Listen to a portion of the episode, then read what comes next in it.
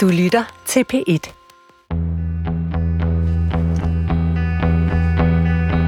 Det er dyrt at være fattig, men det kan være endnu dyrere at være naiv.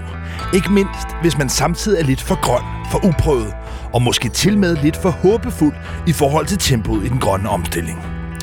Gennem de seneste måneder har mange investorer brændt fingrene på grønne aktier. Først og fremmest fordi renten er steget. Og det har øjeblikkeligt fået økonomien i mange klimaprojekter til at klappe sammen. Efterspørgselen efter blandt andet vindmøller er faldet. Stigende oliepriser og uro hele kloden rundt har skrællet yderligere lag af den glimtende lysegrønne glasur, som hidtil ellers har skabt sukkersøde forventninger om hurtig profit på grøn omstilling. Dagdrømmene er mange steder blevet punkteret. Onsdag bliver det regnskabets time. Ørsted aflægger kvartalsregnskab, og det kan blive en ægte Halloween-gyser. Hør senere i dag om den uhyggelige udvikling, der har fået Ørsteds aktiekurs til at styrtdykke til langt under halvdelen af toppunktet for to år siden. Velkommen til Guld og Grønne Skove her på B1, programmet, hvor jeg går på nysgerrig jagt efter klimaets kolde kontanter og undersøger, om det virkelig er muligt at tjene både moder jord og uselmammon. Mit navn er Lars Trier Mogensen. Opbremsningen er i høj grad udløst af politiske beslutninger, og ofte mangel på sammen. Derfor skriger erhvervslivet i stigende grad på mere håndgribelig handling. Hurtigere, højere, stærkere. Flere og flere sektorer ønsker, at kravene til grøn omstilling hæves og accelereres. Bevares. Det er ikke alle sektorer og brancher, der presser på. Landbruget strider stadig fortsat lidt imod, men andre brancher rykker til gengæld. Ikke mindst store dele af byggebranchen. Siden nytår har kravet lyttet, at udledning fra nybyggeri ikke må være mere end 12 kilo per kvadratmeter per år. Og for det utrænede øre, ja, så lyder det måske handlekraftigt. Måske ligefrem ambitiøst. Realiteten er blot, at nybyggeri i dag allerede udleder langt mindre end kravene giver mulighed for. Forløbig ned omkring 9 kilo per kvadratmeter, altså 25 procent mindre. Og dermed, ja, så betyder reglerne ikke rigtig noget. Og det har nu fået en lang række arkitekter, bygningsingeniører og håndværkere til at råbe op. Stil højere krav. Hør i dag om en dansk byggebranche, der er ved at rykke langt foran de nølende politikere inde på Christiansborg. Måske er det i hele taget tid til at droppe forestillingen om, at det er politikerne i København, som driver den grønne omstilling fremad. Her på det seneste har der været eksempler på lokale vind- og solcelleprojekter, som er blevet bremset. Ikke kun fra naboer, men i høj grad, og, høj grad også oppefra. Rundt omkring i lokalsamfundet synes viljen til grøn og billig energi at vokse sig stor og stadig stærkere. Mange ser gyldne muligheder i medejerskab. Og nu kan jeg byde velkommen til Erik Flyvholm, Venstreborgmester i Lemvin Kommune. Velkommen her til Guld og Grønne Skov. Tak skal du have. Hvordan har du det egentlig med vindmøller? Jamen, jeg har det fint med vindmøller, men jeg har jo oplevet i min lange karriere, at der er forskel på vindmøller. Der er vindmøller, som er smukke, dem er man medejer af, og så er der vindmøller, der er knap så smukke, de ejer af nogen, der bor langt, langt væk. Så det, der i virkeligheden er nøglen til at få gang i vindmøller, det er, at lokalsamfundene ikke bare har accepteret det og har godkendt det, men at de også ligesom kan tjene en skilling på det. Det er vores erfaring. Vi har lavet tre øh, store helhedsplaner for vindmøller i vores kommune, og vi er faktisk lykkedes med at få de fleste af dem igen. Nogle store projekter får vi også igen, uden der bliver klager overhovedet. Men, øh, men det er vigtigt, at man er medejer, eller kan se, at det skaber noget værdi for området, enten noget biodiversitet eller noget erhvervsudvikling. Så ejerskab er, er, er et godt, er et godt element. I Lemvi producerer I i dag dobbelt så meget strøm, som I bruger. Altså, det er både øh, borgere og industri, alt til sammen. Dobbelt så meget strøm. Altså, hvordan er det lykkedes for Lemvi at blive det sted i Danmark, hvor der er mest vindenergi per kvadratmeter? Jamen, vi bor jo et sted, hvor vi har ressourcerne. Vi øh, får rigtig meget vind ind fra, fra Nordsøen, øh, og derfor har der altid været en stor interesse omkring det. Så har vi øh, over 500 kvadratkilometer til de der 20.000, der bor der, så vi har meget landbrugsareal. Øh, så vi, vi har egentlig også noget skala, hvor vi kan tage nogle møller, og øh, det har man været indstillet på, og så har der været øh, et entreprenørskab derude, hvor, øh, hvor man også har skabt medejerskab og følgeskab på det. Regeringen har også set muligheder for netop at udnytte områder som for eksempel Lemvi og en masse andre steder rundt omkring i landet, hvor der er lidt længere mellem husene, og der derfor kan man sige potentielt er plads til at opstille flere vindmøller. Hidtil har der været lidt bøvl, fordi mange naboer har brokket sig, og det har været svært at få dem igennem. Og derfor fik regeringen den idé for noget tid siden, at man skal kompensere lidt mere. Man skal give et større tilskud i virkeligheden til naboerne. Men lad os lige høre, hvordan Venstres øh, minister for landdistrikter, Louise Jacques Elholm, præsenterede det her for et par uger siden her i Guld og Grønskov. Ja, vi har jo en meget øh, stor ambition om en firdobling af vedvarende energi på land frem mod 2030. Og for at kunne nå den øh, målsætning, jamen, så har vi brug for noget plads. Og den plads finder vi jo først og fremmest i landdistrikterne. Men det er selvfølgelig klart, at det er jo også øh, til gene for landdistrikterne. Derfor så skal man selvfølgelig kompenseres for det. Og det er derfor, vi øger kompensationen øh, til naboer og til lokalområdet. Det var Louise Jacques Elholm, Venstres minister for landdistrikter, her, der fortalte om det nye udspil, som regeringen har præsenteret om ligesom at firdoble mængden af grøn strøm fra vindmøller og solceller. Og Erik Flyholm, borgmester i Lemvi. Det burde jo være sød musik i dine ører. Det er ministeren for landdistrikter. Hun er minister for Venstre.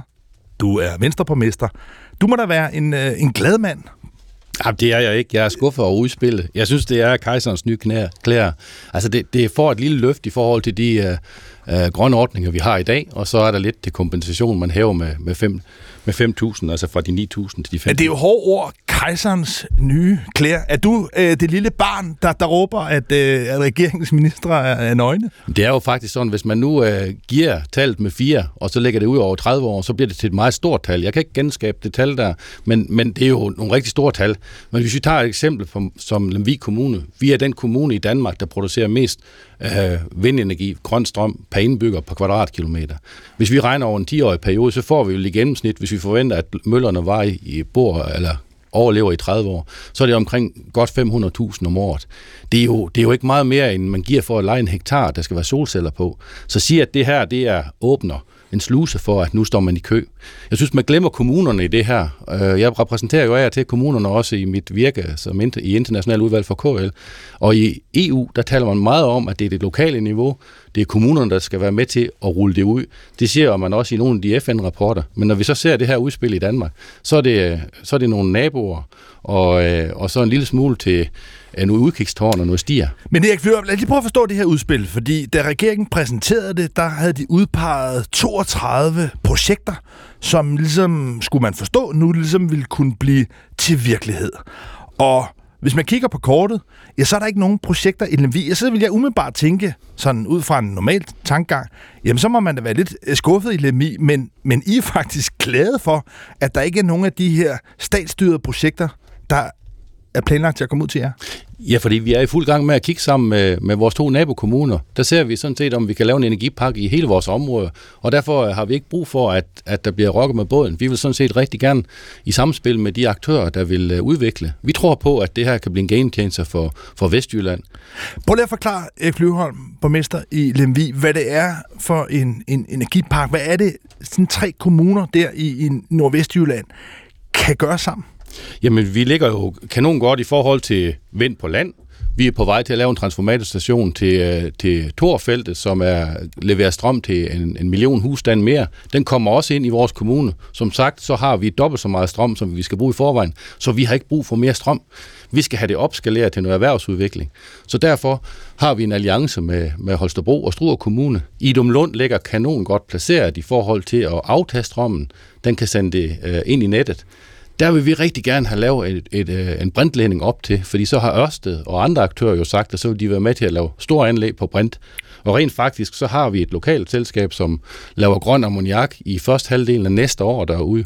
Men Erik Løb, noget af det, der jo er vanskeligt med mange af de her forretningseventyr, det er, at før man rigtig kan begynde at tjene penge på dem, så skal der investeres enorme beløb, milliardbeløb. Nu nævner du det her, en, en brintledning, som man altså udvinder fra den billigere og stadig billigere grønne strøm. Men hvem er det egentlig, der skal betale for sådan nogle projekter? Fordi det lyder som om, at du siger, at staten skal gerne blande sig udenom, hvad, hvad I laver i, i Vestjylland. Men, men, men hvor er det, pengene skal komme fra? Altså i forhold til, øh, til investeringen i de her store anlæg, så er der jo private selskaber, der gerne vil det. Og vi vil gerne være med til at lægge nogle arealer ud i forhold til at, at skabe aktiviteterne, hvis vi får noget igen. Vi er ikke interesseret i at producere endnu mere grøn strøm, som bare skal i et rør og så sendes til Tyskland. Vi vil have noget erhvervsudvikling på det. Så derfor synes vi, der skal være noget kompensation til de kommuner, der går foran. Og det er der jo mange eksempler på. Altså det Tor-projekt, som kører, øh, som tyske RWE har vundet, der skal man jo i produktionstiden lægge næsten 3 milliarder til staten for at få lov til at være der. Hvorfor skal man ikke lægge et eller andet til den kommune, der skal Men lad, lad os lige prøve at forstå, fordi det projekt, der ligger altså ud for, for, for jeres kyst øh, ved Torsminde, øh, Tor Vindprojektet, det har jo været det, man i altså virkelig egentlig forstand kan kalde en game changer, altså noget, der har ændret dynamikken, spillet omkring vindenergi i Danmark. For tidligere var det sådan, at man fra statens side gik ind i virkeligheden og gav tilskud til vind. Nu er det blevet vendt fuldstændig på hovedet, og staten fik altså næsten ja, over 2 milliarder kroner i første omgang i altså i betaling for det her tyske vindkonsortium. Og det har ligesom gjort, at man i Finansministeriet i København er begyndt ligesom at se ikke nødvendigvis dollartegn i øjnene for borgerne ude omkring, men for statskassen. Og F. Lyholm, hvad er det, der har ændret sig efter, at det i virkeligheden Tor kom, og staten begyndte at kunne tjene penge Jamen, der er jo sket det, at man kan sige, at i forhold til de der store skala, så har man jo meldt ud, at man ønsker at eje 20 procent af dem, eller i hvert fald have ret til at købe 20 procent fremover. Og på det her projekt, som du siger, der kommer man op i nærheden af næsten 3 milliarder i betaling. Så det er bare, vi siger, at når vi nu kører ind på landjorden, og det er os, der skal lave al planlægningen, det er altså os, der skal lave, leve med det efterfølgende, så er det ikke nok at give en lille enkel kompensation i grøn ordning til et udkigstårn, eller nogle stier, eller noget formidling til nogle mennesker. Vi skal have noget til noget erhvervsudvikling. Og det er jo noget af det, som udspillet her blev pakket ind i, at man også vil give nogle penge til nogle andre, lidt mere sådan sociale aktiviteter. Og det er det, du sådan hører dig sådan lidt nedladende sige, nogle, nogle stier og noget, noget, noget lidt, lidt virak ved siden af. Men det er ikke noget, der vil give arbejdspladser. Det kræver det, at I selv går ind ligesom, og styrer det, og får medejerskab. Men, men, men, men det her projekt, hvis vi nu lige bare øh, forholder os til udspillet, er det slet ikke noget, der, altså som venstremand, kan du slet ikke se noget godt i det udspil, som ja, dit eget parti, der sidder i regering, har været med til at udforme? Jo, jeg synes, at det er godt, at, at dem tæt på får noget, øh, noget øget grøn energi, eller grøn, øh, grøn puljer. Uh, men der står jo, at det kunne være for eksempel til udkigs, udsigtstårn til stier, byparker og formidling af grøn omstilling til lokale unge. Det vi efterspørger, det er sådan set, at vi kommer op i et helt andet gear. Det er, at det her, hvis vi skal lave en industri på det her, så skal der være nogle midler til at arbejde med. Og der har vi bare peget på en model fra det nordvestjyske område, der giver noget på produktionen og noget på det at være der. Altså en dækningsafgift øh, eller, eller en, en, en ejendomsskat, om du vil. Det har vi kigget lidt på, hvordan har man gjort i Norge. Små kommuner deroppe, Øh, en kommune oppe i Finnmarken med, med, med, med meget få indbygger, de får 5 milli- 15 millioner om året på sådan en stor park. En anden, vi snakker med på 4.000 indbygger, tror jeg, de var, de får omkring 12. Men Erik Flyholm, nu hører dig sige, at øh, i virkeligheden nogle af de penge, der ligger i statskassen, dem kan man måske godt bruge, så kan man tillade sig at skære det sådan op, at du gerne vil have staten blander udenom, hvordan det skal laves, men til gengæld måske gerne vil have lidt penge man kan skalere det sådan op, at man siger, at det kaster noget af sig i de områder, der skal tage smerten ved at have dem, fordi det er ikke kønt at se på. Så det der med, at man kan gemme anlæg væk på, på øh, over 250 meters højde, hvis vi snakker vindmøller, det kan man jo ikke. Eller flere hundrede hektar. Prøv at gå ud og se sådan et landskab. Vi kan godt pakke dem ind i noget træer, men det bliver da et, et, et, et teknisk anlæg, man skal leve med. Det har vi nogle områder, vi godt kan kan, kan håndtere i. Vi kan ikke gøre det alle steder, men hvis de lokale får lov til at være med i det, så kan vi finde noget plads til det. Så er det bare, hvis det færdigt siger, så skal det være med til at skabe noget erhvervsudvikling, ellers så har vi nok. Lad os lige tage det her konkrete ting med at kompensere naboerne. I dag er det sådan, at man kan få 9.000 kroner om året skattefrit, hvis man er helt tæt nabo til nogle af de her øh, energiprojekter. Det er både vindmøller, men altså også solcelleparker. Der har regeringen nu foreslået, at man skal hæve det med 5.000 kroner, så det kommer op på 14.000 kroner. Det er vel også noget smørelse, om man vil. Noget, der burde gøre, at naboerne på en eller anden måde lettere vil kunne acceptere. Men det er du heller ikke imponeret af. Nej, det er jeg ikke, fordi at, øh, det, er jo, det er jo små penge i forhold til, hvis du nu lige pludselig ikke kan, kan sælge dit hus efterfølgende, eller du ikke kan belåne den. Der er jo faktisk områder, man er udfordret på det. Og hvis vi taler 200 meter til en solcellepark, øh, man har tidligere talt om, at man ikke må bo inde på de der fire øh, gange møllens højde. Men det betyder jo ikke, at man kan se, ikke kan se sådan, sådan en mølle. Vi har jo områder, hvor man kan se rigtig mange møller i Lemvig Kommune. Så er det, er det kun kompensation til dem, der bor lige tæt på. Der synes jeg, at området skulle have noget kompensation, sådan at man, man kan til gode se dem, der bor tæt på. Det synes jeg er fint. Jeg synes, det er en god idé, at man har hævet det beløb. Jeg siger bare, at når man sælger det som om, nu åbner det alle sluser for, nu står kommunerne i kø for at lave de her projekter og tage de tæsk, det også måtte være derude. Det kommer ikke til at ske, det tror jeg ikke, fordi øh, der, der er der simpelthen ikke guldråd nok i det. Men en af de meget sådan kontante guldråder, der kan være, det er det, du var inde på indledningsvis med medejerskab. Og der ved jeg, at det er noget, der har ændret, kan man sige, temperamenterne meget i områderne. Nogle af dem, der har været mest barsk og hårdt ude og kritiserer opstillingen af det, man kalder monstermøller. De har lige pludselig ændret øh, holdning til det her i samme øjeblik, de ligesom blev medejere. Hvad er det ligesom, der psykologisk sker i, i Vestjylland for, for, for folk, når de ligesom bliver medejer? Jamen, vi har jo et række eksempler på, og det er også derfor, vi fik Klibanprisen øh, for KL her øh, i år, øh, øh, hvor vi går ind og, prøver at få følgerskab. Vi, vi kan jo ikke påtvinge developerne en bestemt model. Vi kan sige, at det er en god idé at gå ud og finde ud af, om der er lokal opbakning til det.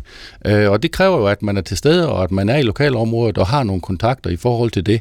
Øh, og så har vi lavet vindmølleprojekter, hvor halvdelen har været ejer af lokalbefolkningen, og halv, halvdelen har ejer af eksempel et, et, et, et, et elforsyningsselskab. Og det fungerer rigtig fint. Der er andre, hvor Øh, Vestas vil gerne have testet der er stor 15 megawatt mølle, den kan vi sætte op på vores havn. Der bliver lokal ejerskab, der er stort set ingen, øh, ingen der, der, der, der, der klager over dem. Vi har lavet et testcenter ude i fjorden. Men Erik Fjord, hvorfor er der så stor forskel på, hvordan man konkret ser på en vindmølle? Om det er noget, nogle andre ejer, eller man selv er med i et lav? Det er fordi, at det kaster noget af sig til lokalområdet, og det er noget, som du lever med, men du får også en værdi af det. Så hvis man kan se en værdi af det, så har vi meget nemmere ved at trække de projekter igennem, end at der kommer en eller anden melding op fra, at nu skal vi firedoble, fordi nu skal vi levere strøm af grøn energi til hele Europa. Noget, der jo har skabt meget modstand også i lokalområdet, det er det testcenter, der ligger ved Høvsøre, som jo gennem mange år har skabt øh, ballade, og hvor der også er en kamp her om, hvem er det egentlig, der styrer det? Er det staten, der presser det ned over hovedet, og i hvilken udstrækning har har I ligesom været med til ligesom at acceptere det. Men, men, men det er jo i hvert fald et eksempel på noget, jeg har svært ved at se, altså man kan få lokalbefolkningen måske til at acceptere. Hvad, hvad er det for en konflikt, der er om Høvsøre? Jamen, der er den konflikt, at da man for over 20 år siden lagde det, der har man jo forsøgt at, at lave nogle projekter derude i forvejen, og det er fået afslag på. Men så kom staten og lavede et projekt derude og klemte det ned i det område. Og det har været sådan en kampplads lige siden. Man har lært at leve med den, og det gør de lokale også, men hver gang man ændrer på højden, så fjerner man nogle beboelser derude. Øh, så man er ved at have ryddet et helt område for, for beboelse. Det synes man ikke er en god idé. Det vil man gerne i dialog omkring. Så vi har to projekter, hvor staten ligesom har taget hånd om at gøre det. Det er testcenteret her på Høvsør, og det er de kystnære vindmøller, som endte med at sætte som en lang række, øh, hvor der står 21 og blinker til os lige ud for vores kyst. De to projekter er eksempler på, hvordan man ikke tog dialogen ordentligt med de lokale. Men det er jo i hvert fald lidt skræmmende i hvert fald så at tænke på, øh, og hvis vi i hvert fald tager det som, som et billede på, hvordan udviklingen har været, at der ligesom har været en topstyring jo fra København, som i virkeligheden måske har været med til at bremse øh, vindmøller, fordi det ligesom har fået et, et dårligt navn. Men er der, altså i hvilken grad er det her også sådan en land bykonflikt, at der sidder folk i København, som måske har lidt nogle skrivebordstanker om, hvordan man burde lave møller, og så en anden virkelighed derude? Jamen, jeg tror bare, at vi insisterer på os, der bor derude, også at få lov til at være med ved bordet og have en stemme i det. Altså, tidligere, der kunne det jo være sådan, at man kunne, man kunne sætte møller øh, klods på kysten, uden at spørge de kommuner, der har med. Så snart man hopper ud i vandet, så var det Energistyrelsen. Så snart du hopper ind på land, så var det kommunen, der var myndighed. Det var jo en mærkelig situation. Vi skulle ikke engang orienteres. Så fik vi heldigvis lavet en grænse, hvor vi har vetoret, så vi kan stoppe dem. Men det kunne vi ikke på de gamle projekter. Det andet derude øh, i forhold til, øh, til, til et testcenter, jamen jeg tror sådan set, du er i et område, hvor det, det mærkelige er, at det er faktisk der i tanken om ejermøller er født. De er ikke modstandere af møller.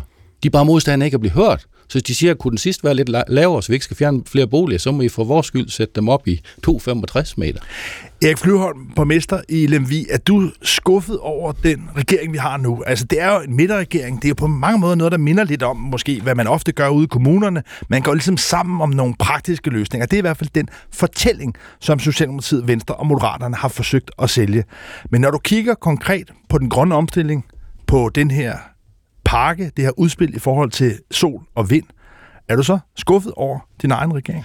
Ja, jeg havde forventet, at der var noget mere i kompensation til de kommuner, der tager der tager slæbet for det. Hvis man kigger på, på, hvem der producerer i dag, så er der 15 kommuner, der leverer over 60 procent af den strøm, øh, der kommer fra, primært fra vindmøllerne. Hvis du lægger solen til, så er vi over 50 procent i de 15 kommuner. Så, så det er jo en grøn banan langt hen ad vejen, der er ned langs den jyske vestkyst. Øh, så er der... Ja, tidligere talte man altså nedladende om en, en råden banan, men i dag er det lykkedes at lave en grøn banan. Det synes jeg, det er, og så er det klart, at der er nogle områder også, Lolland er rigtig godt med også, så vi har nogle områder, hvor lige det her faktisk kan blive en game changer i forhold til noget bosætning og noget erhvervsudvikling.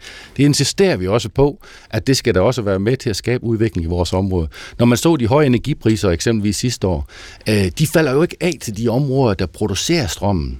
Det skal derud, hvor vi producerer det. Og så er bare, at vi siger, modellerne, vi har foreslået en model, som ligger op af den norske model, og siger, at der kommer noget på produktion, og der kommer noget på placering, for vi skal se på den, og vi skal være med til. Men jeg flytter, når jeg hører dig fortælle om det her med medejerskab, så minder det, det lyder i hvert fald for mig, som lidt en genopblomstring af andelstanken. Ligesom man havde med, med mejerier og slagterier, så er det ligesom det, der ligesom kan være nøglen til at få flere vindmøller op.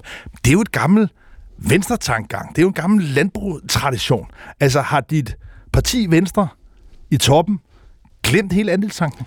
Nej, det tror jeg ikke, de har, og det kan vi sagtens gøre på nogle mindre projekter. Jeg anerkender også, at nogle af de nye projekter bliver voldsomt store, og der skal nogle voldsom kapital til.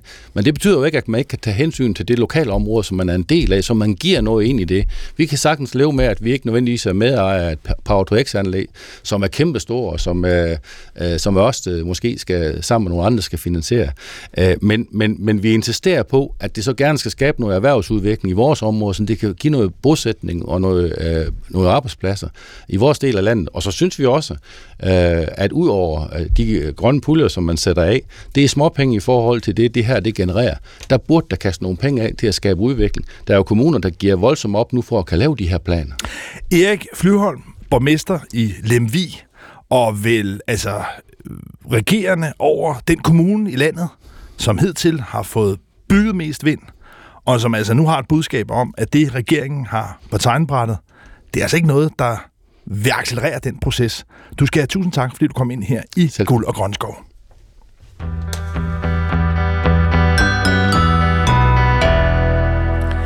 Byggeriet og landbruget har mindst to ting til fælles. For det første udleder begge brancher godt en tredjedel af alle drivhusgasser i Danmark. Hver især. Og for det andet, så er der endnu ikke blevet stillet så hårde klimakrav til de to brancher, altså byggeriet og landbruget, så udledningen endnu er blevet tvunget ned på et markant lavere niveau. Og vel at mærke et niveau, som rent teknisk vil være muligt. Men her stopper liderne måske også, altså mellem landbruget og byggeriet. For mens landbruget ser ud til at forberede sig på en større vinterdefensiv over for planerne om øget klimakrav og ikke mindst den formodede CO2-afgift, så er store dele af byggebranchen omvendt gået i offensiven. Og lad mig først byde velkommen til dig, Sinus Lønge, partner i arkitektfirmaet Effekt. Velkommen til Guld og Grønne Skov her på, e- på P1. Tak skal du have. Hvad er det for et, øh, en kampagne i virkeligheden, som øh, 170 virksomheder og organisationer, blandt andet dig og en masse andre, hvad er, det, I, hvad er det, der gør, at I nu presser på for at få skærpede klimakrav til byggebranchen? Jamen, vi har over de sidste øh, 5-10 år haft en oplevelse af en stigende interesse fra øh, samtlige af byggeriets parter til at bygge bæredygtigt generelt. Og vi kan også se, at der er ikke nogen, der kan gøre det her alene. Vi er alle sammen afhængige af hinanden. Og derfor så er vi øh, i gang med at finde ud af, er vi i virkeligheden så mange, der gerne vil det her, så det kan øh, være en vigtig information for politikerne, når de skal lovgive her i efteråret omkring bygningsreglementet i 2025. Men Sinus Lønge, er det en, en rimelig sammenligning at sige, at landbruget og byggeriet står i den samme situation, at man udleder altså godt en tredjedel hver især, og man hidtil ikke rigtig har gjort sig forfærdeligt meget? Ja, øh, det er rigtigt at sige, men den sjove forskel er, at vi har jo talt om landbruget i øh, årtier, fordi det er en sektor, som vi øh, kigger på med regeringens øh, søgelys, men byggeriet er ikke en samlet sektor, og derfor har der ikke været en samlet øh, handlingsplan for, øh, for, for byggeriet på samme måde. Og øh, vi var så for et par år siden en, en, en gruppe, der gik sammen for at finde ud af, hvad skal der egentlig til for, at vi overhovedet kan, kan sige, at vi bygger bæredygtigt i, øh, i byggeriet. Vi vidste ikke, hvor langt vi skal ned på CO2-udledningen øh, for byggeriet. For Nej, der er I så fået udformet sådan et reduction roadmap, altså et sådan reduktionskort, om man vil, for hvad der skal ske. Og konklusionen er jo heldigvis, at det faktisk teknisk vil være muligt at lave et byggeri i Danmark, som er i overensstemmelse med kravene i Paris-aftalen. Men hvad er det ligesom, der ligger i det her reduction roadmap? Hvor peger det hen? Jamen, det peger jo først og fremmest på, at vi skal nedad. Vi skal reducere vores CO2-udledning markant. Og altså det spørgsmål, vi stiller os selv, det er, hvor langt skal vi egentlig ned, for at vi kan sige, at vi bygger bæredygtigt? Hvor langt skal vi ned for at være inden for de planetære øh, grænser? Det er grænseværdien, og hvor hurtigt skal vi derhen, for at vi overholder Paris-aftalen. Og når du lægger de to sammen, så får du sådan en, en reduktionssti, hvor man kan sige, det er ligesom den hastighed, vi skal reducere med. Og det gik vi ud med øh, for, for et års tid siden, og har fået øh, enormt mange i, i branchen til at interessere sig for at, at bruge det her som et redskab til at styre deres egen bæredygtige udvikling. Og der er et særligt mål for klimabelastning i byggeri, og det er belastningen i kilo per kvadratmeter per år. Og nu vil jeg også gerne byde velkommen til Harpa Birgisdottir, der er professor i bæredygtig byggeri ved Aalborg Universitet. Velkommen her til Guld og Grønne Skov. Ja, tak. H- hvad er det her for et mål, altså kilo CO2-ekvivalenter per kvadratmeter per år? Ja, det kan lyde lidt kompliceret, øh, men vi laver sådan en, når vi laver en klimaberegning på vores byggeri, så bruger vi en metode, som hedder livscyklusvurdering, og der skal man så regne på, øh, i det her tilfælde en bygning, og vi regner over en periode. Øh, fra vi producerer de materialer, som bruges i byggeriet, og vi øh, bygger bygningen, og vi, vi så bruger den i et stykke tid. Når vi regner det, når vi bruger det nu i vores klimakrav øh, i byggeriet, øh, så anvender vi en beregningsperiode på 50 år, som vi regner over. Så for eksempel, hvis vi har en bygning, lad os sige, at eh, over de der 50 år, så udleder den 500 kilogram øh, CO2 per øh, kvadratmeter. Over de der 50 år, så vil det give 10 kilogram øh, CO2 per kvadratmeter per år. Og det er den måleenhed, man har sat op i, øh, i for eksempel i det her krav i bygningsreglementet. Ja, fordi fra årsskiftet blev der indført noget, der måske for nogen lød som sådan et mere kontant krav. Nu måtte man ikke i nybyggeri udlede mere end 12 kilo per kvadratmeter per år. Og Harper Birkis at hvordan vil du ligesom betegne det krav? Altså, er det et ambitiøst mål? Er det et øh, virkningsfuldt krav? Hvad, hvad har det egentlig betydet? Ja. Ja, altså hvis man kigger ud fra byggeriet, som ikke, er blevet, som ikke har brugt CO2 som en valuta før, man har også kunnet øh, øh, bygge bygninger uden at skulle tænke over, øh, hvor meget CO2, altså hvor meget, mange ressourcer osv. Hvis så længe man havde råd til det, og det var det, man ville, øh, så kunne man udlede så meget Så man byggede i blinde, om man ja, vil. Ja, så nu har man fået det mål, øh, men det har man så, øh, har man en byggebranche, som ikke har øvet sig rigtig meget på det. Så da det kom kravet, så var det sådan ambitiøst for folk at bruge det, fordi at det var øh, noget nyt, vi skulle, altså en ny metode, vi skulle bruge. Men det ambitiøse men, var vel, at ja. man skulle lave et Ja. regnskab, man skulle Ja. lære at beregne, Netop. men selve målet på 12 kilo Ja. per kvadratmeter per år. Det, var, det ramte kun øh, sådan 10 procent af det konventionelle byggeri. Altså det vil sige, det tog kun toppen af udledningerne. Ja, for Sinus Lønge, partner i arkitektfirmaet Effekt, hvis man kigger på gennemsnittet i nybyggeri, så er man i dag altså nede på godt 9 kilo per kvadratmeter. Altså 25 25 procent mindre end det loft, der er. Så, så jeg kan ikke lade være med at tænke, at så har det vel overhovedet ikke nogen effekt. Altså kan man sige, hvis, hvis den almindelige praksis, hvis folk, når de bare køber de almindelige materialer ind, bygger, som man nu bare vælger at bygge, så havner man på et væsentligt mindre klimaaftryk end det, loven foreskriver. Så er det vel en helt virkningsløs lov.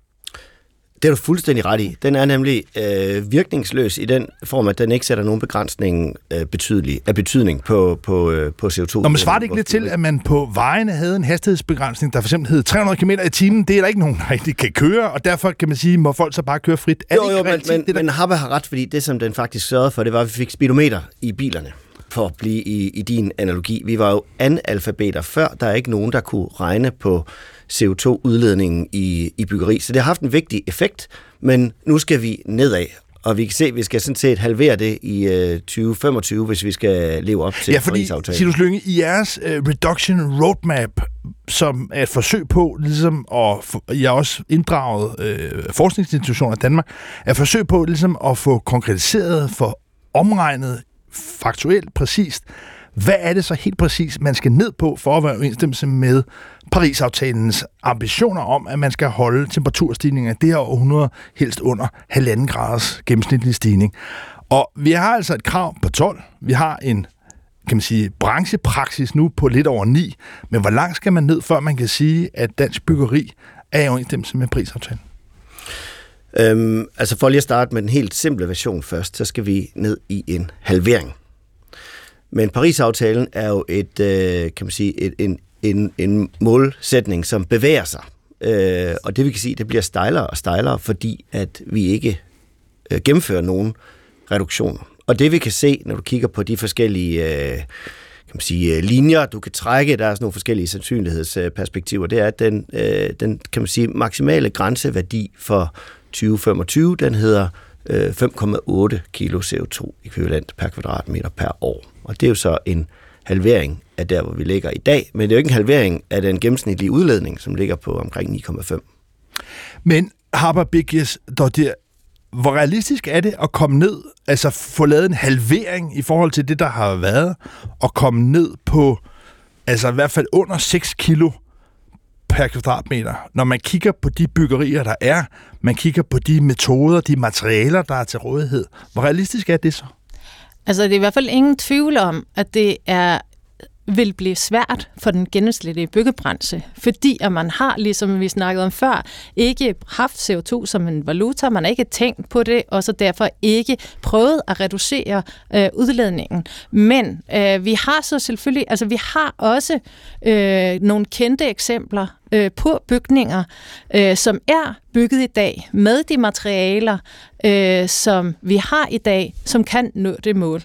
Øh, vi har udgivet en rapport, hvor vi har regnet på, øh, ja, det er så selvfølgelig kun 25 eksempler af sådan nogle bygninger, men som er opført og bygget med materialer, som findes i dag. Hvor der Hvad, er... hvad er det for nogle afgørende ændringer? Altså, hvordan kan man se, hvordan kan man mærke, at de byggerier har indtænkt det her klimaregnskab? hvis vi kigger på sådan, hvis du kigger på billederne, så er rigtig, altså af de 25 bygninger, er rigtig mange, som bruger træ, biogene materialer. Det er det. Men det er ikke kun det alene, som er løsningen. Det er jo, løsningen er i virkeligheden også nøjsomhed. Det er jo, at vi skal til at begynde at tænke over, hvilke materialer vi bruger, hvorhen, og vi optimerer på materialerne. Det er, altså vil jeg sige, det første skridt. Øh, og man kigger på de løsninger, der er inden for alle, altså bygningskomponenterne. Kan jeg bygge med et fundament anderledes? Kan jeg vælge et andet materiale osv.? Men det er klart, at øh, når vi kigger sådan hurtigt på billederne, så er der jo, og, altså det som er, så er der også en del biogene materialer. Øh, det er ikke dermed sagt, at det ikke er også øhm, andre muligheder. Øh, det kræver jo så, at den, hvad man skal sige, konventionelle branche også viser andre eksempler øh, med andre materialer, og hvad der er muligt der. Sinus Lynge, hvad, hvad, hvad er det for en anden udfordring, det er for, for arkitekter, og kan man sige hele det samspil, der jo er med, med, med både øh, altså ingeniører i nogle tilfælde, og entreprenørerne og håndværkerne. Hva, hvordan er det, at kan man sige, formningen af et byggeri ændres ved at indtænke de her klimakrav?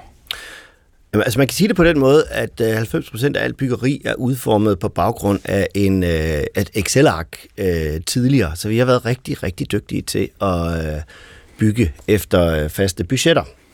Selvom det er et nyt sted, det er et nyt hold og, øh, øh, og nye forudsætninger, man, man starter op med. Så vi er faktisk rimelig gode til at koordinere arbejdet i, øh, i byggebranchen. Vi har bare aldrig nogensinde regnet med CO2 som bundlinje før. Og øh, det vi kan se, fordi vi har lige været igennem en øh, proces på tre år, hvor vi faktisk gik fra stort set ikke at have prøvet at regne øh, de her LCA'er til at prøve... Og LTA'er? LCA er livscyklusanalysen. Det er det her, det her tal øh, ja. kilo CO2 per kvadratmeter per år. Ikke? Ja. Øhm, og der, der kunne vi se, at bare ved at arbejde med et projekt, hvor vi ligesom øh, gennemgik alle bygningsdele osv., så, videre, så kunne vi reducere fra øh, det her gennemsnitlige fodretryk på et almindeligt typehus på omkring øh, 11, at vi kom ned på, øh, på 3,8. Det vil sige, at vi kan altså reducere bare ved at tænke os om to tredjedele. Og øh, det byggeri, det står øh, lige herinde i øh, København øh, som, som udstillingsbyggeri. Og min pointe er ikke, at øh, vi var genier for at, at nå dertil. Vi fik bare muligheden for at gennemgå den proces, men ikke alene som arkitekter, sammen med ingeniører, sammen med bygherrer, sammen med entreprenører og sammen med øh, investorer, som som ville det her. Så vores men, erfaring er, at hvis man, hvis man vil det her på tværs af byggekæden, øh, eller værdikæden i byggeriet, så kan vi komme ekstremt langt med de løsninger, vi allerede har. Men metoden her er jo, at man så på en kvadratmeter reducerer klimaaftrykket. Men hvis der fortsat bliver bygget rigtig mange flere kvadratmeter, så vil det samlede klimaaftryk jo stige. Og Harpa Birgit Stottier, professor i bæredygtig byggeri, synes du egentlig, at det her mål per kvadratmeter er særlig anvendeligt. For jeg kan ikke lade være med at tænke, at det kan godt være, at man så kan optimere, man kan være mere nøjsom i sit materialevalg, den måde, man bygger. Men hvis man bliver ved med at bygge rigtig meget mere, i stedet for måske at renovere eksisterende bygninger, ja, så ender man jo alligevel med at lave en måske stor og også stigende klimaudledning. Ja, og det er helt rigtigt, og, og det er blevet diskuteret rigtig meget, og man skal tage fat i, hvad man kan regulere, altså nu som i bygningsreglementet, øh, så er man jo sådan set kommet frem til, at, øh, at per kvadratmeter er det øh, det er håndgribeligt at regulere. Men det, som er rigtig, rigtig vigtigt, det er jo, at vi optimerer i vores byggeri, og også netop det, der ikke tager fat i, at vi så bare bygger større. Så derfor bruger vi også, øh, øh, også den som en anden parameter per person osv. Som, som måleenhed. Og hvis man måler per person, så går det vel ikke nødvendigvis helt så godt men? Øh, nej, men altså der skal man jo også, det, det, kan, det kan vi få fat i nogle byggerier, som er blevet, altså som øh, har det bedre, øh, altså som står godt, fordi vi har regnet per kvadratmeter. Men det er også øh, rigtig, rigtig svært at regulere, hvor mange personer, der bor i en bolig øh, over dens levetid. Så den er rigtig svær at håndtere. Og det kan også være, at vi heller ikke ja. ønsker at leve i et Nej. samfund, hvor det bliver øh, reguleret. Sinus Lynge, hvad skal der til for, at de krav, der bliver stillet, altså i dag er det de her øh, 12 kilo per kvadratmeter per år, der gælder. Hvad skal der til for at bringe det ned til et sted, hvor bygherrer er tvunget til at tænke sig meget bedre om, altså at alle bliver presset til simpelthen at ændre adfærd. For det er jo det afgørende, jeg hele tiden synes, man skal have for øje i forhold til en grøn omstilling. Så længe man kan blive ved med at gøre det samme, så er det nok et udtryk for, at der ikke sker så forfærdeligt meget i den grønne omstilling. Så man skal derhen, hvor folk rent faktisk gør noget radikalt anderledes. Og hvad skal der til i forhold til de her krav, før at det ændrer sig i byggebranchen? Jamen, det er jo det, vi har, øh, har spurgt hele branchen om, og det vi oplever med en overvældende hastighed, det er, at der er en tilslutning fra øh, alle ender af værdikæden i, øh, i branchen, både organisationer, virksomheder osv., som siger, at vi vil gerne reguleres. Og det er, det er fordi, jo et lidt mærkeligt budskab. Altså, jamen, fordi altså, der er både en etisk fordring. Vi vil meget gerne stå op om morgenen og, øh, og gå på arbejde og sige, at vi gør, hvad vi kan for at begrænse øh, klimaændringerne. Men hvorfor gør I det så ikke bare allerede nu? Det, det kan vi i hvert fald ikke gøre som tegnestue, uden at vi har bygherrer, der gerne vil det. Vi har brug for samarbejde med ingeniører, der gerne vil det. Vi har brug for entreprenører, som arbejder for det. Materiale, leverandører og producenter, som arbejder for det. Så altså, en af vores store inspirationer til det her roadmap var, var Mærsk, som gik ud og sagde, nu har vi lagt en plan for, hvordan vi skal kunne transportere vores, øh, vores varer øh, øh, CO2-neutralt. Men i vores branche, den er så sammensat, så vi har simpelthen brug for, at der er nogen, der giver en hjælpende hånd øh, på vej, og det er politikerne i det her tilfælde. Men Sinus Lønge, partner i arkitektfirmaet Effekt, er det ikke så simpelt, at kunderne vil bare ikke betale den mere pris, det koster i dag, at få bygget bæredygtigt. Og fordi kunderne ikke bestiller det, ja, så kan I heller ikke få ordren. Så det er prisen, der er barrieren. Øh, nej, det er faktisk ikke så simpelt. Altså nogle af de øh, projekter, vi har siddet med, de kan bygges til, til, til, almene, til almen boligbyggeri. Vi kan komme ekstremt langt ned, ned mod øh, 11-13.000 kroner per kvadratmeter. Med, det er jo træbyggeri. Det er jo billigt byggeri, så det er ikke korrekt. Men det er rigtigt, at der er en risikoaversion i den her branche. Men det, der er vigtigt at forstå, det er, at hvis ikke vi når at lære at bygge øh, til lave emissioner og, og begrænse øh, emissionerne via den måde, vi bygger på, så tror jeg, vi ender i et øh, byggestop. Habe Birgit her til sidst. Er du enig i, at det ikke er pengene, at det ikke er prisen, der i virkeligheden er barrieren, men snarere konservatisme, altså øh, en, en manglende vilje til på en eller anden måde at tænke nyt og måske mere nøjsomt, der i virkeligheden står i vejen for, at man får lavet byggeri, som nedbringer CO2-aftryk? Altså de øh, arkitektfirmaer, dem som har været med i de projekter, som, øh, som viser det ekstremt lave klimaaftryk, de øh, siger, at priserne øh, øh, kan overholdes, så det ikke er priserne. Men det er jo klart, at, øh, øh at det er øh, svært at ændre en branche så hurtigt, og det er, øh, ja, det er en stor øh, vane, øh, og man kender til de byggerier, man bor i, så det er en del af, af, af, af, af, af, af øh, problemet. Men bundlinjen er i hvert fald klar. Byggeriet og driften af bygger, bygninger udleder lige så meget som landbruget. Så den her udfordring, den er i hvert fald lige så påtrængende som hele omlægningen af landbruget. Sinus Lønge, partner i arkitektfirmaet Effekt, og Harpa Birgisdottir, professor i bæredygtig byggeri på Aalborg Universitet. Tusind tak, fordi I kom her i Guld og Grønne Skov. Ja.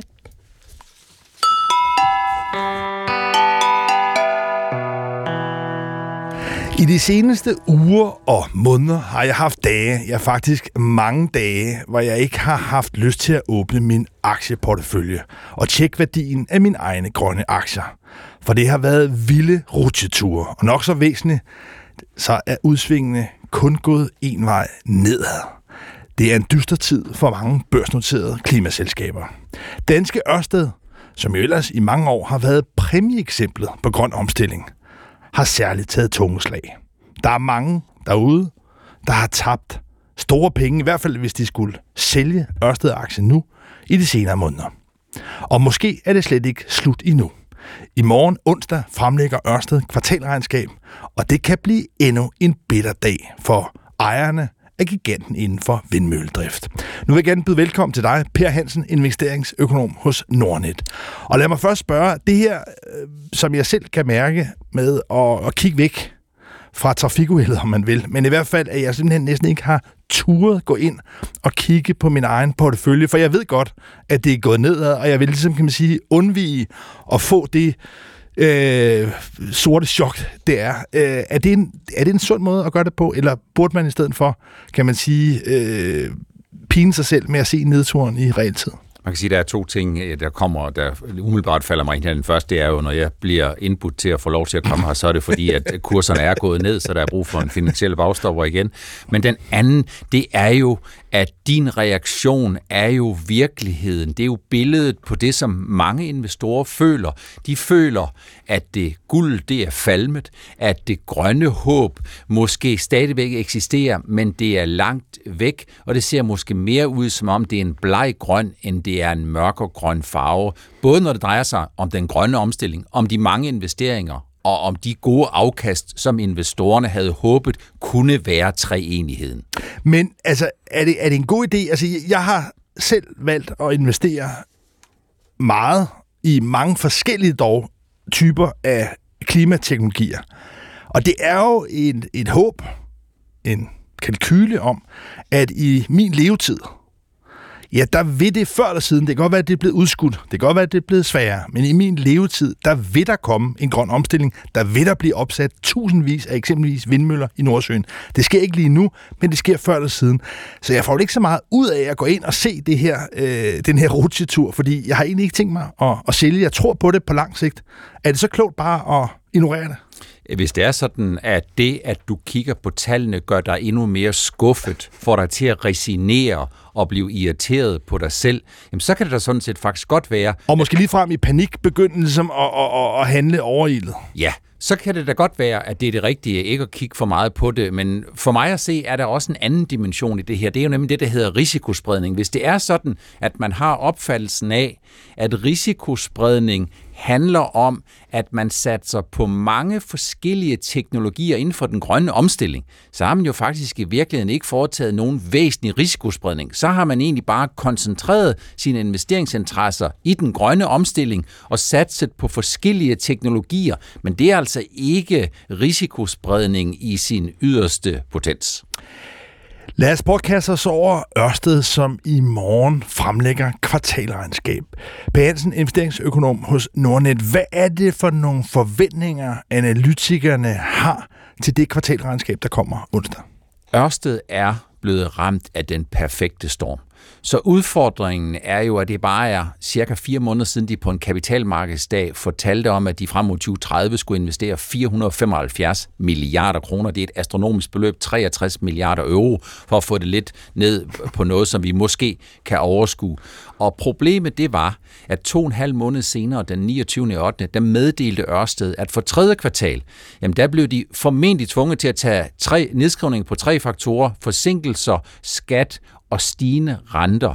Og det er jo lige nøjagtigt det sidste stigende renter, det er epicentrum for de udfordringer, som Ørsted har, fordi hvis det rammer hele deres investeringsportefølje, så er det sådan, at Ørsted enten vil investere mindre, eller tjene mindre på det, som de investerer, eller en kombination af de to ting. Og derfor er men, mere kapital ikke løsning. Men Hans, lad os lige bare prøve at få forklaret nogle af de her basale dynamikker. Du siger, der er altså to effekter. Enten så vil man investere mindre, eller også så vil man tjene mindre. Lad os lige prøve at få det ligesom forklaret. Hvorfor er det, at i første omgang, at man vil investere mindre? Jamen det er jo simpelthen, at øh, Ørsted fortalte på et tidspunkt på sin kapitalmarkedsdag om de 475 milliarder kroner, der fortalte de også, at den forventede, det forventede afkast på de investeringer, jamen det er et risikotillæg til kapitalomkostningen. Og hvis det er sådan, at renterne stiger så meget, så det afkast ikke kan indfries, så skal man enten bede slutbrugerne om at betale noget mere, det har jo vist sig at være problematisk for nogle af de andre, som har sat nogle havvindprojekter op i USA, og eller så er man nødt til at gå på kompromis med det, man tjener. Og det er derfor, jeg ligesom øh, siger, at øh, jeg tror sådan set ikke, at Ørsted her nu mangler kapital, fordi kapital løser ikke problemet. For forestil dig, du får mere kapital, men den kapital, du får ind, den har en kapitalomkostning, der er højere end det, du kan forrente. Det svarer nogenlunde til, hvis en håndværksmester køber en maskine, men den maskine har en højere omkostning end det, man kan tjene ind over en given periode. Så udfordringen for Ørsted, det er, de skal have højere priser og lavere renter, og det ser altså ud som om, det er en væsentlig forhindring på kort sigt. I løbet af sommeren, også her øh, efter sommeren, der er det blevet brutalt udstillet, at de to store vindmølleproducenter, både Siemens og Vestas, har enormt store vanskeligheder med at få ordre ind. Efterspørgselen efter vindmøller er faldet, og der har været store forsyningsproblemer. Men det er ligesom vindmølleproducenter. Ørsted ejer i høj grad vindmølleprojekter, parker, der allerede er opstillet. Lad os lige prøve at få skåret forskellen ud her. Altså en ting er, at det er svært at producere nye vindmøller, men hvorfor er det også blevet så meget sværere at tjene penge på møller, der allerede er opsat? Og det er jo det høj grad det, der er Ørsteds forretning. Ørsted, det er jo en turnkey, de er jo sådan en, en leverandør, de stiller noget op. Øh, og udfordringen, det er simpelthen, at de priser, man kan få for at sælge produkter, der i det her tilfælde, når mølleren de snorer lystigt, så den pris, man kan få for at sælge strømmen, jamen den er simpelthen ikke tilstrækkeligt kompenserende for de stigende inputomkostninger, man har haft. Så det svarer altså til en virksomhed, som ikke er i stand til at få gennemført de prisstigninger, der skal kompensere for, at input flytomkostningerne, de er steget. Hvad er det, man skal lægge mærke til i morgen, når det her kvartalregnskab kommer? Altså, der er jo mange øh, småsparer, altså private mennesker, som også har en, en lille portion øh, Ørsted-aktier. Sådan har det i hvert fald været øh, tidligere. Hvad er det, man på en eller anden måde skal kigge efter? Hvad er det, man skal lytte efter? Det er kort fortalt, om Ørsted har de rigtig gode svar på de alt for mange spørgsmål og udfordringer, som investorerne har. Lad os tage dem i prioriteret rækkefølge. Er der ændret ved deres syvårige målsætning frem mod 2030 om 475 milliarder kroner i investeringer? For hvis det ikke er det, så må de jo have fundet en løsning på, hvordan de kan kompensere på det, som vi ikke har hørt indtil videre.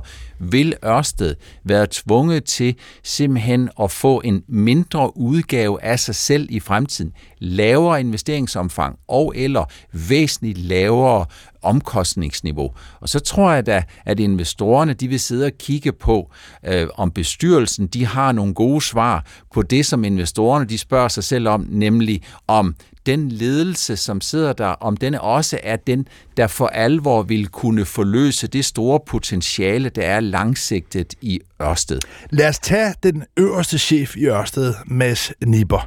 Han har en utrolig heldig, uheldig uheldig timing, fordi stort set fra det tidspunkt, han trådte ind som ny koncernchef, ja, der er kursen faldet, der er markedet for Ørsted blevet presset. Kan man sidde som ejer, som investor at sige, jamen, den ledelse, der har været, det kan godt være, at hele markedet har været inde i en turbulent periode, men at det simpelthen også er blevet styret for dårligt. Hvor udsat er Mads Nipper? Jamen, netop, han er helt klart øh, i skudlinjen, det må man sige. Det vil være en alt for forsimplet måde at se tingene på og sige, at det, der er sket, det er Mads Nippers skyld og ansvar. Men det er altså sådan, det er til enhver tid den øverste siddende ledelse, som skal være i stand til at håndtere de udfordringer, risici og konvertere dem til muligheder. Og skal man pege på en enkelt faktor, så er det altså de stigende renter, som ledelsen burde enten have forudset og eller have afsikret på en anden og bedre måde Så end den situation, vi er i nu. Altså, skal man forstå det sådan, at Ørsteds forretning i virkeligheden har været for gearet i forhold til at have for meget øh, lån. Altså man kender det jo fra altså, også privatøkonomier. Der er nogle mennesker, der i de senere år har optaget så mange lån, at de er blevet ramt rigtig, rigtig hårdt af de stigende renter. Også afhængig af, hvordan man har øh, belånt pengene. Men, men, men er det et udtryk for, at den forretningsmodel, man har drevet frem, simpelthen har været for risikabel, i virkeligheden måske næsten hasarderet? Nej, det synes jeg faktisk ikke, man kan sige, fordi det er jo ikke sådan, at de her lån, de allerede i dag sidder på Ørsteds balance. Men der er bare en lang række ting, der er forandret. Ørsted kommer jo fra en situation, hvor de havde, om ikke monopol, så havde de næsten en alene situation for en 5-7 år siden. Nu halser alle de store energiselskaber bagefter. De skal alle sammen være grønne. De skal alle sammen bygge havvindprojekter. Og de har altså den helt store medvind, at de får altså en betydelig del af deres indtægter fra olie og gas, som, som har en relativt høj pris, og det gør Ørsted jo ikke eller ikke i samme omfang. Nej, altså Ørsted er jo blevet verdensberømt for at lave den omvæltning, den transition fra oprindeligt at have været sort til nu at blive grøn. Og det er jo, altså oprindeligt var det Dong, det stod for dansk øh, olie og naturgas, altså virkelig den sorte branche. Det har man alt sammen solgt fra. Men der er man altså i dag op mod nogle konkurrenter rundt omkring, også tidligere eller nuværende statslige energiselskaber, som stadigvæk har fat i, i olien. Og det er i virkeligheden noget, der har vist sig nu måske at være en svaghed. Det har i hvert fald vist sig at være de andres styrke, uanset om man synes, det er unfair og det er uretfærdigt, så må man jo sige, at øh, det er sådan lidt ligesom, hvis man dyrker sport eller spiller fodbold. Hvis nu man rammer overlæggeren to gange, men modstanderen scorer tre gange, uden man selv får bolden i mål, så kan man godt sige, det var snyd for os. Men sådan er betingelserne nu engang. Og Ørsted har altså øh, nogle formidable konkurrenter, der har nogle finansielle ressourcer, som øh, er en meget betydelig udfordring udfordring. Det er der ingen tvivl om. Hvis man kigger på kursen her kort til sidst, så er den jo blevet altså, barberet ned til langt, langt under det halve af, hvad den var på, på toppunktet. Altså, øh, alle de her bekymringer, du har skitseret her, er jo noget, der ligesom er regnet ind i kursen. Altså, der er ret skeptiske forventninger. Men, men, men, men hvis du kigger frem, altså skal man forvente, at hele den her branche, ikke mindst Ørsted, altså stadigvæk vil glide ned? På den ene side set, så kan man sige, at aktiemarkedet er jo en øh, størrelse i bevægelse hele tiden, så investorerne har taget i meget stort omfang taget udgangspunkt i, det her det er kendte udfordringer. På den anden side, så har jeg været med i 32 år i den her industri, og den tid, den har vist mig, at fornemmelsen for, at man udtaler sig stål og skråsikkert om, at alt er nu bagt ind i de her, alle dårligdommen er nu bagt ind i aktiekursen, det er øh, en udtalelse, som jeg synes, man skal være lidt varsom med. Men der er i hvert fald grund til med frygt og bæven at se frem til kvartalsregnskabet fra Ørsted. Per Hansen, investeringsøkonom hos Nordnet. Tusind tak, fordi du kom her i Guld og Grønne Skove på B1, som i dag har handlet om de flotte løfter om mere vind- og solenergi på land, men som ikke rigtig har fået fodfæste rundt omkring ude i de dele af landet, hvor der er langt mellem husene og faktisk plads til mere vind- og solenergi. Konsekvensen er, at der er projekter med vind, ikke mindst, der er blevet udskudt, måske aldrig vil realiseres. Og det sætter sig jo blandt andet efterspørgselen efter vindmøller. Det har vi set med Vestas, det har vi set med Siemens, men altså nu også med Ørsted. Du har lyttet til Guld og Grønne Skove her på Beat. Programmet er produceret af Rakker Park Productions for Beat, og min producer er Maja Zachariasen. Mit navn er Lars Trier Mogensen. Tusind tak for at lytte med. God vind. Gå på opdagelse i alle DR's podcast og radioprogrammer. I appen DR Lyd.